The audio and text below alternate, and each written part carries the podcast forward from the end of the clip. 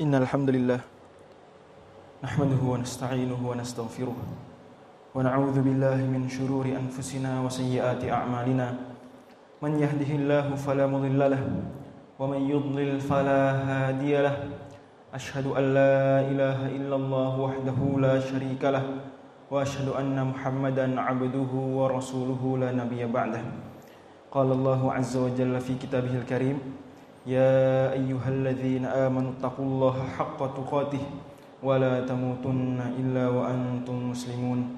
يا أيها الناس اتقوا ربكم الذي خلقكم من نفس واحدة وخلق منها زوجها وبث منهما رجالا كثيرا ونساء واتقوا الله الذي تساءلون به والأرحام إن الله كان عليكم رقيبا.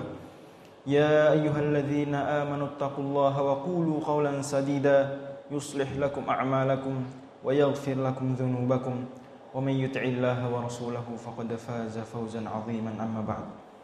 فيا معاشر المسلمين رحمكم الله اتقوا الله حق التقوى واعلموا أن تدبر كتاب الله عز وجل من أنفع الطاعات وأحلى العبادات وأحلى شيء لنفس الأوقات. أما بعد. Para jamaah sholat Jumat Masjid Al-Furqan yang dirahmati Allah Subhanahu wa taala. Sebulan lagi kurang lebih atau bahkan kurang eh, kita akan menghadapi bulan Ramadan, bulan yang sesungguhnya merupakan pelipur lara dari mungkin 11 bulan yang penuh dengan hal-hal yang tidak kita sukai. Bagaimana tidak? Bulan Ramadan bulan yang penuh dengan ketaatan dan ketaatan adalah sumber kebahagiaan Berbeda dengan 11 bulan yang mungkin penuh dengan kelalaian atau bahkan dosa kemaksiatan. Dan dosa kemaksiatan adalah sumber terbesar kesedihan. Bulan Ramadan bulan yang penuh dengan kebahagiaan. Karena di bulan Ramadan adalah bulan yang penuh dengan ampunan. Sementara 11 bulan yang sebelumnya mungkin kita jarang sekali mengucapkan istighfar. Mungkin kita bahkan memenuhinya dengan penuh kedurhakaan. Yang itu semua menjadi sebab kesedihan dan lara. Para jamaah dirahmati Allah Subhanahu wa taala dan termasuk yang paling penting untuk kita lakukan kelak di bulan Ramadan adalah mentadaburi Al-Qur'anul Karim. Tadabur sesungguhnya jauh lebih wajib daripada menghafal Al-Qur'an. Merenungi isi Al-Qur'an bahkan jauh lebih ditekankan daripada membaca teks Arabnya. Hanya saja bagaimanapun juga membaca teks Arab adalah wasilah untuk semakin dekat dengan Al-Qur'an adalah sarana mempelajari Al-Quran yang alangkah indahnya jika membaca Al-Quran dengan teks Arabnya tersebut kemudian diiringi dengan merenungi kandungan isinya. Dan Al-Imam Asyuti dalam kitab beliau Tanah Suku Duror membawakan salah satu cara mentadaburi Al-Quran yang paling mudah. Bahkan termasuk yang paling indah. Sampai-sampai Al-Imam Ar-Razi dalam tafsir beliau mengatakan sebanyak-banyaknya dan sebesar-besarnya hal-hal menarik dalam Al-Quran adalah mengamati koherensi, keindahan, urutan, dan susunan Al-Quran. Ya, yang dimaksud Imam Asyuti dengan cara mentadaburi Al-Quran yang mudah dan menarik adalah merenungi hubungan antara ayat-ayat yang posisinya bersebelahan. Merenungi antara surat-surat yang posisinya berdampingan karena tidaklah mungkin Allah Subhanahu wa taala yang Maha Alim, tidaklah mungkin Allah Subhanahu wa taala yang Al-Khabir, tidaklah mungkin Allah Subhanahu wa taala yang Maha segala-galanya. Kemudian ketika dia mengurutkan Al-Qur'an mengurutkannya asal-asalan. Mustahil.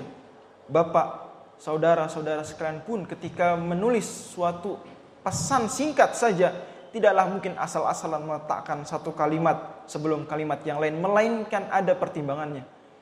Bapak dan saudara saja, ketika menulis skripsi, skripsi tesis atau tulisan-tulisan lainnya, begitu detail, penuh pertimbangan. Mengapa bab satu saya letakkan sebelum bab dua?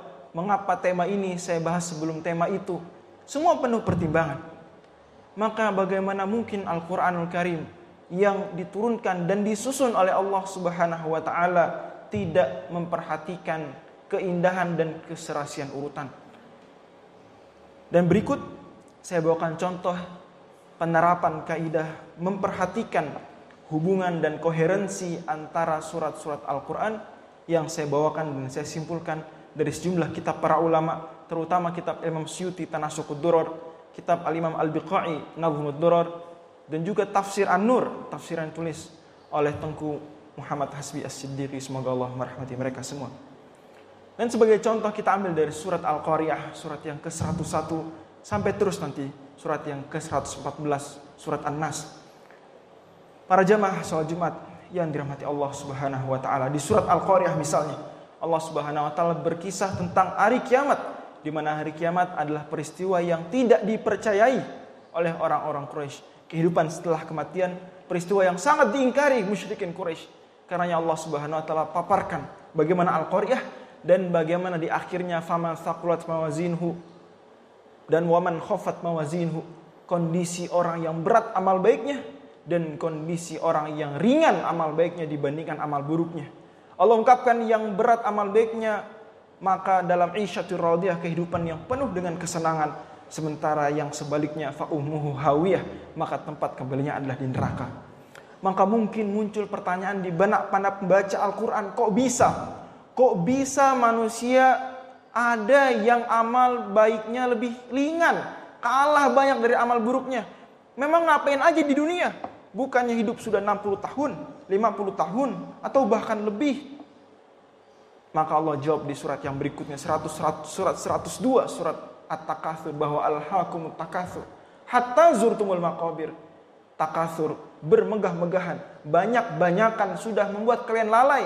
Iya, waktu hidup kalian banyak 60 tahun, tapi kalian isi dengan banyak-banyakan harta saja Kalian isi dengan banyak-banyakan followers saja. Kalian isi dengan banyak-banyakan gelar saja. Kalian isi dengan tinggi-tinggian jabatan saja. Lalai dari amal. Hatta zurtumul maqabir. Sampai kalian masuk ke kuburan. Lantas mungkin muncul pertanyaan, kok bisa mereka lalai? Kok bisa? Apa yang paling mereka sia-siakan? Maka surat 103, surat setelahnya Allah sebutkan bahwa yang membuat manusia rugi membuat manusia lalai adalah mereka melalaikan waktunya wal asri innal insana lafi khusrin demi waktu sungguh manusia dalam kerugian dan Allah Subhanahu wa taala sudah berikan di surat Al-Asr solusi agar tidak rugi yaitu dengan beriman, beramal soleh dan saling menasihati dalam kebenaran dan kesabaran. Maka mungkin muncul pertanyaan, tapi bagaimana kemudian yang dilakukan manusia apakah mereka melakukan yang Allah nasihatkan tersebut? Oh ternyata banyak di antara mereka justru seperti surat setelahnya. Wailun likulli humazatil lumazah. Bukannya saling menasihati dalam kebenaran dan kesabaran. Justru malah saling mencela, saling membuli, saling gibah, saling menguntit di belakang. Bahkan mereka bukannya berinfak, beramal soleh seperti yang disinggung di surat sebelumnya. Justru mereka ya sabu annamalahu akhladah mereka mengumpul-ngumpulkan harta, jama amalan, wa'adadah Hobinya setiap hari menghitung hartanya sudah banyak atau belum, followersnya, kontennya sudah banyak atau belum, jabatannya sudah tinggi atau belum, mengira ya sabu annamalahu akhladah. Itu semua akan membuat dia kekal. Kemudian mungkin kalau hanya teori saja tidak ada contoh nyatanya kurang mengena, maka Allah berikan contoh nyata di surat setelahnya surat Al-Fil surat 105 contoh orang yang sombong contoh orang yang suka mencela contoh orang-orang yang mereka menyangka harta jabatan kekuatannya akan membuatnya kekal alam taro kaifa fa'ala rabbuka bi ashabil fil belum kamu lihat bagaimana yang Tuhan melakukan terhadap ashabul fil alam yaj'al kaidahum fi tadlil bukankah Allah jadikan tipu daya mereka hancur sia-sia Bahkan akhirnya adalah ka'asfin makul. Mereka yang kokoh kuat, mereka yang kaya, mereka yang banyak, mereka yang sombong. Ka'asfin makul menjadi seperti daun yang dimakan ulat. Maka Allah Subhanahu wa taala di surat Al-Fil menyebutkan betapa itu semua sebetulnya nikmat bagi umat yang pertama engkau wahai Nabi Muhammad, bangsa Quraisy. Tapi sayang, di surat 106 surat Quraisy Allah sebutkan li'ilafi Quraisy. Banyak nikmat Allah berikan pada Quraisy. Nikmat mereka bisa berjalan, bepergian, berniaga ke Syam di utara, ke Yaman di selatan, di musim panas dan di musim dingin. Allah jaga mereka, Allah lindungi mereka. Fal ya'budu rabb hadzal bait. Harusnya mereka bertauhid, tapi tidak. Allazi at'amahum min ju' wa amanahum min khauf. Harusnya mereka menyembah Allah saja, yang cuma Allah memberi mereka makan, bukan berhala. Yang cuma Allah memberikan mereka keamanan, bukan berhala. Kemudian di surat Al-Maun, surat setelahnya surat 107, Allah Subhanahu wa taala kemudian memberikan kontras. Inilah potret orang-orang yang yukadzibu biddin, tidak percaya agama, tidak bertauhid. Bukannya at'amahum minju. Kalau Allah sih memberi makan mereka, kalau ini tidak bahkan wala yahuddu ala ta'amil miskin, jangankan memberi makan miskin, memotivasi saja tidak jangankan berdonasi, men-share informasi donasi saja tidak di status WhatsApp atau di story Instagramnya. Kalau yang sana wa amanahu min khauf falyabudu rabb hadzal bait mentauhidkan Allah, ya Allah memberikan keamanan. Kalau yang ini malah potretnya alladzina hum an salatihim sahun, lalai dari salatnya. Bukannya beribadah malah lalai dari salatnya. Bukannya ikhlas malah wahum yuraun mereka berbuat riak maka kemudian Allah Subhanahu wa taala paparkan kontras berikutnya di surat Al-Kautsar bahwa itu potret yukadzibu biddin adapun Allah Subhanahu wa taala maka tidak seperti itu. Inna a'tainakal kautsar. Allah berikan kepada engkau nikmat yang banyak. Adapun orang-orang yukadzibu biddin bahkan yal yamnaunal maun tidak memberikan barang yang remeh. Kalau mereka anu salatihim sahun maka engkau hai nabi fasolli li rabbika maka dirikan salat. Jangan lalai kalau mereka riak yuraun, maka engkau lirabbika ikhlas hanya kepada Tuhanmu. Kalau mereka wala yahuddu ala ta'amil miskin, tidak mau ngasih makan miskin, maka engkau wanhar sembelihlah bagi-bagi daging saat Idul Adha. Kontras demikian Allah pertegas lagi. Bisakah orang-orang yang beriman dan orang-orang yang kafir tersebut kemudian kelak akan sama-sama masuk surga? Akan sama-sama saling share keimanan? Sama-sama saling mencampur adukan keyakinan? Oh tidak. Kul ya ayuhal kafir enggak wahai orang-orang kafir. La abudu ma ta'budun. Aku tidaklah menyembah yang kalian sembah. Tidak bisa. Kita boleh hidup bertetangga, tapi hanya di dunia adapun di surga tidak bisa bertetangga. Kita bisa hidup bermasyarakat, oh tapi dalam urusan akidah tidak ada campur baur. Kemudian di dua surat berikutnya surat An-Nasr dan surat Al-Lahab lagi-lagi Allah memberikan contoh kalau kalian menjadi orang-orang beriman, orang-orang yang bertauhid, maka jadilah An-Nasr yang kalian peroleh kemenangan dan kejayaan. Adapun kalau kalian memilih jalan kekafiran, maka jadilah kalian seperti Abu Lahab yang ma'agna anhu malhu wa makasab, tak berguna baginya hartanya tidak juga yang dia perbuat. Lantas ya Allah, apa yang seharusnya saya perkuat agar saya tidak seperti Abu Lahab? Qul huwallahu ahad. Ikhlaskan amalmu. Kuatkan tauhidmu, mantapkan akidahmu.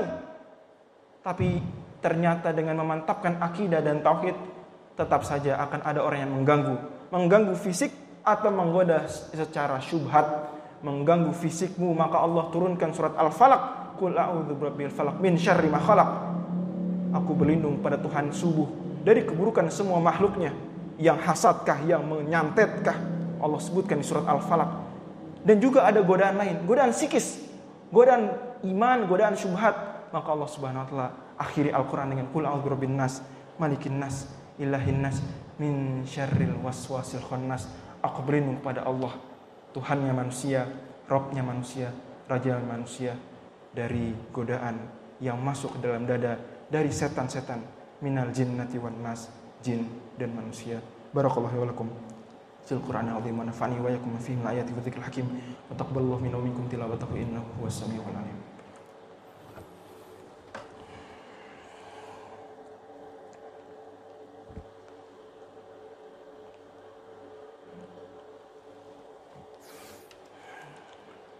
Alhamdulillah wa kafa. Wa sallallahu ala nabiyil mustafa wa ala alihi wa ashabihi ahli sidqi wal wafa wa ba'du. Para jamaah yang dirahmati Allah Subhanahu wa taala. Memang demikianlah adanya, tidaklah mungkin Al-Qur'an kitab pemungkas semua kitab suci yang dibawa oleh nabi pemungkas semua para nabi. Kemudian di dalam tidak mengandung rahasia-rahasia, tidak mengandung keindahan-keindahan yang menggugah, tidak mungkin. Maka sebagaimana dikatakan oleh Syekh Abdurrahman Haban Nakah guru besar Universitas Ummul Qura bahwa mustahil benar yang dikatakan para orientalis. Orientalis menuduh, ini apaan sih Quran? Kok urutannya ngacak? Kok urutannya seolah-olah tidak sistematis? Yaitu karena mereka kurang tadabur. Mereka tidak membaca Al-Quran dengan penghayatan. Andai mereka membaca Al-Quran dengan penuh penghayatan, niscaya akan nampaklah banyak ajaiban. Maka marilah para bapak, para saudara, teman-teman sekalian di bulan Ramadan, bahkan sejak sekarang tidak perlu nunggu bulan Ramadan. Lakukan pemanasan sejak sekarang mulai. Andai waktu tilawah Anda 30 menit, maka sisihkan 5 menit saja dari 30 menit tersebut untuk merenungkan apa yang sudah Anda baca, untuk membaca terjemahannya, kemudian berpikir. Dengan demikian maka membaca Al-Quran akan lebih useful, akan lebih meaningful, akan lebih penuh guna, akan lebih bermakna. Dan Anda, saya yakin, akan lebih penasaran menanti-nanti waktu tilawah berikutnya. Jadilah waktu Anda bersama Al-Quran adalah waktu yang paling berkualitas dalam hidup Anda. Waktu yang paling berkesan. Sebab Anda sedang membersamai Tuhan pencipta Anda semua. Wallahu a'lam bishawab. Allah wa malaikatahu yusalluna ala nabi. Ya ayyuhalladzina amanu sallu alaihi wa sallimu taslima. Allahumma lil muslimina wal muslimat wal mu'minina wal mu'minat al ahya'i minhum wal amwat innaka sami'un qaribun mujibud da'awat ويا قضي الحاجات. اللهم اعز الإسلام والمسلمين وأذل الشرك والمشركين وانصر عبادك الموحدين ووفق ولاة أمور المسلمين في كل بلاد يا أرحم الراحمين. اللهم أرنا الحق حقا وارزقنا اتباعه. وأرنا الباطل باطلا وارزقنا اجتنابه. اللهم إنا نسألك علما نافعا ورزقا طيبا وعملا متقبلا. ربنا اغفر لنا ولوالدينا وارحمهم كما ربونا صغارا. ربنا هب لنا من أزواجنا وذرياتنا قرة أعين واجعلنا للمتقين إماما. ربنا آتنا في الدنيا حسنة وفي الآخرة حسنة وقنا عذاب النار. وصلى الله على نبينا محمد وعلى آله وصحبه وسلم. Subhana rabbika rabbil izzati amma yasifun. Wassalamun alal mursalin. Walhamdulillahi rabbil alamin.